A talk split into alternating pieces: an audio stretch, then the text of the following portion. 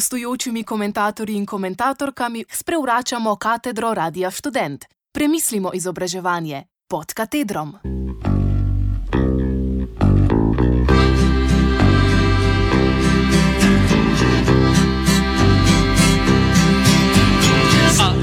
Zajte vsi tam mladi bili, bi kar študenti radi pametni in tudi kreteni, ker je luštno in poceni, če nisi glih total moron. Fakulteta je zaston in na slovenskem je vrlina, da študenta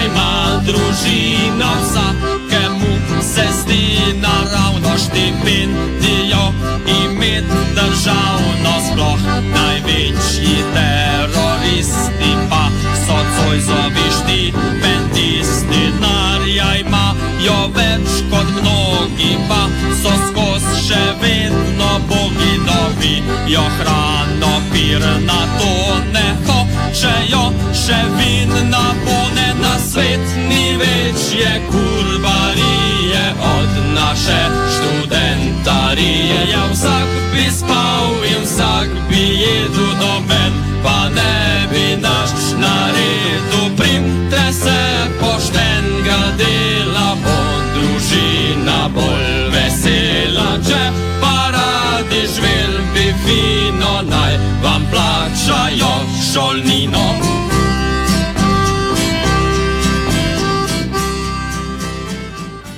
Univerzitetna petletka.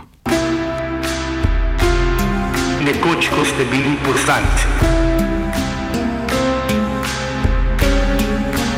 Pa Janša parkazu, ne?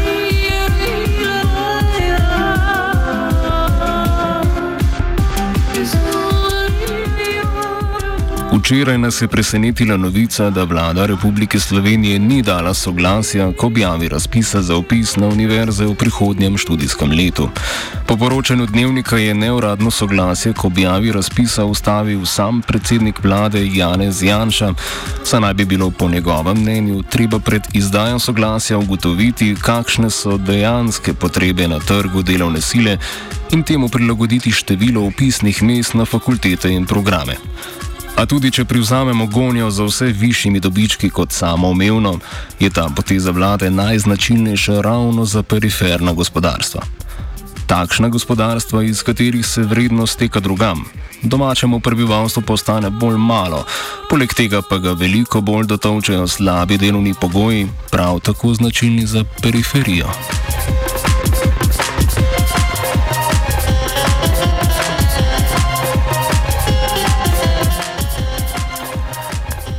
Mantra o prilagajanju študija in opisnih mest nekakšnim potrebam trgu delovne sile je stara.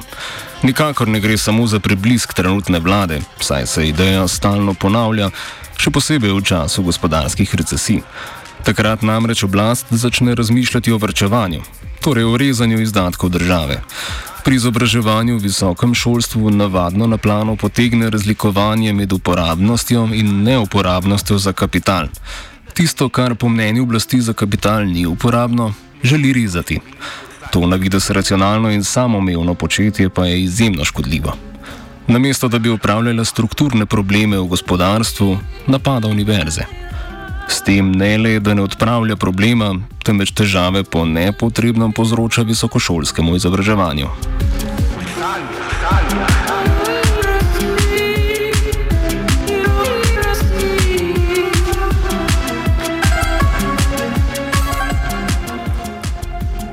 delovne sile v Sloveniji ima že od konca 80-ih let vzpostavljeno tako imenovano strukturno brezposelnost, ki se je poglobila po prehodu v kapitalistično gospodarstvo.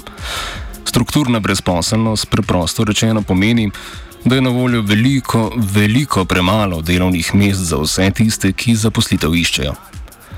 Če pogledamo na spletno stran Zavoda Republike Slovenije za zaposlovanje, vidimo, da je na voljo le 2466 prostih delovnih mest. Iskalcev zaposlitve pa je 87283, torej kar 35 krat več kot je delovnih mest sploh na voljo. Podobno stanje ustraja že več desetletij. Nikakor ne gre torej za to, da delavci v Sloveniji nimajo prave izobrazbe. Gre za to, da kapital v Sloveniji ne zna, ne zmore ali preprosto noče odpreti dovolj delovnih mest za vse iskalce zaposlitve. In to nima nobene veze z izobrazbo delavcev.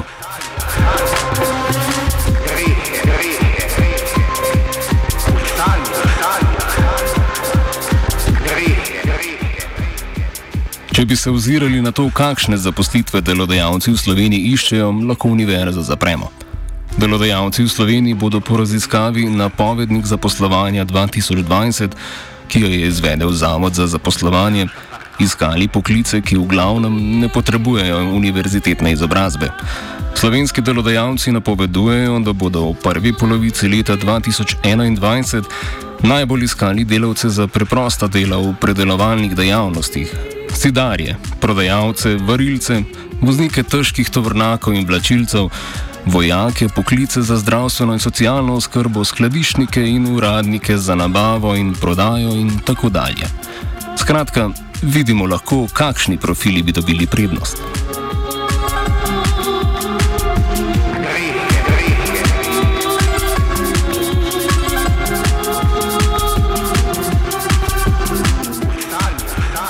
Ne gre za to, da ti poklici niso potrebni, sploh pa je vsak delavec spoštovanja vreden. Gre za to, da ne moremo prilagajati univerzi in opisnih mest trgu delovne sile, ki je namenjen perifernemu gospodarstvu. V bistvu bi moralo biti obratno. Delodajalci ne znajo, ne zmorejo ali preprosto nočejo uporabiti visoko izobražene delovne sile v Sloveniji. Zakaj bi se prilagajali kapitalistom, ki so zadovoljni s tem, da Slovenija ostane periferija? Zakaj bi se sploh morali prilagajati kapitalistom?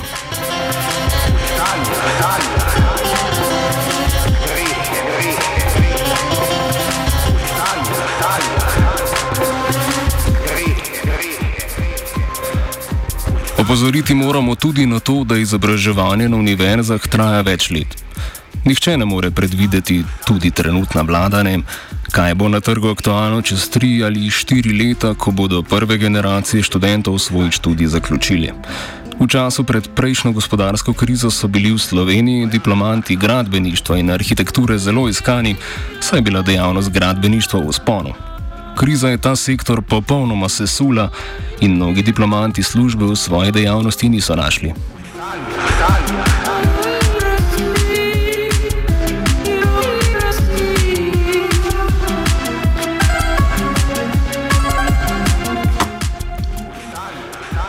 Kdo je ob upisu na fakultete leta 2006 lahko pričakoval gospodarsko krizo?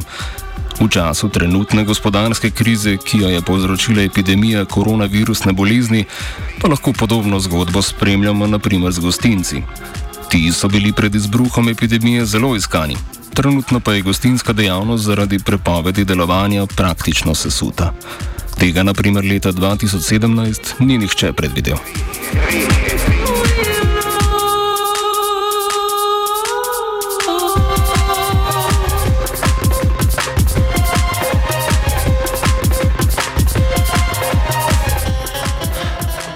Izobraževanje na univerzah ni izobraževanje za poklic.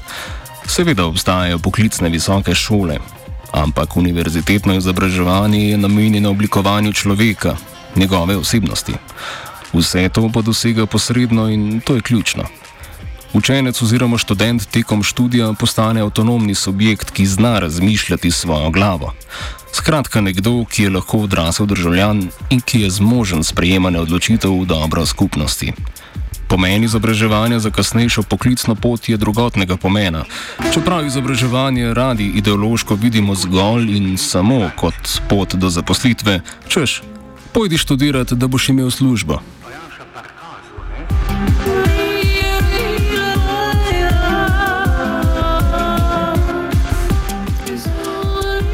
Šele brezinteresnost izobraževanja v sebi nosi potencial za posameznike, ki bi družbi doprinesli tudi tehnološki razvoj, s katerim bi si gospodarstva centra kujejo dobičke. Tako niti znotraj kapitalistične logike vlada ne kaže razumevanja za preprosto dejstvo, da z znižanjem splošne izobrazbe in poudarjanjem zgolj poklicnih usmeritev ohranja gospodarstvo, katerega dobički temelijo na nižanju stroškov delovne sile, ne na inovacijah. Problem je hud in pereč, naš predlog pa je sledeč.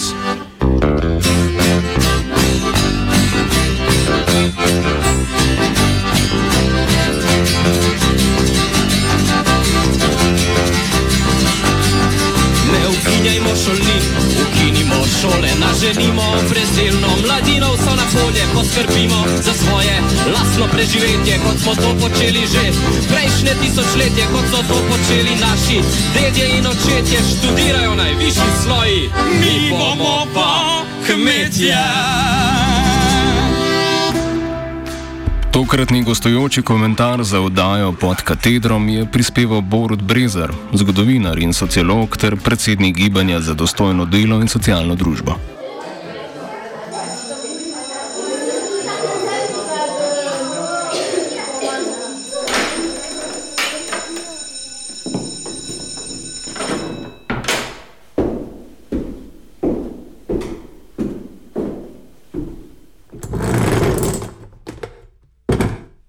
Gostujočimi komentatorji in komentatorkami sprevračamo katedro Radia Student. Premislimo izobraževanje pod katedrom.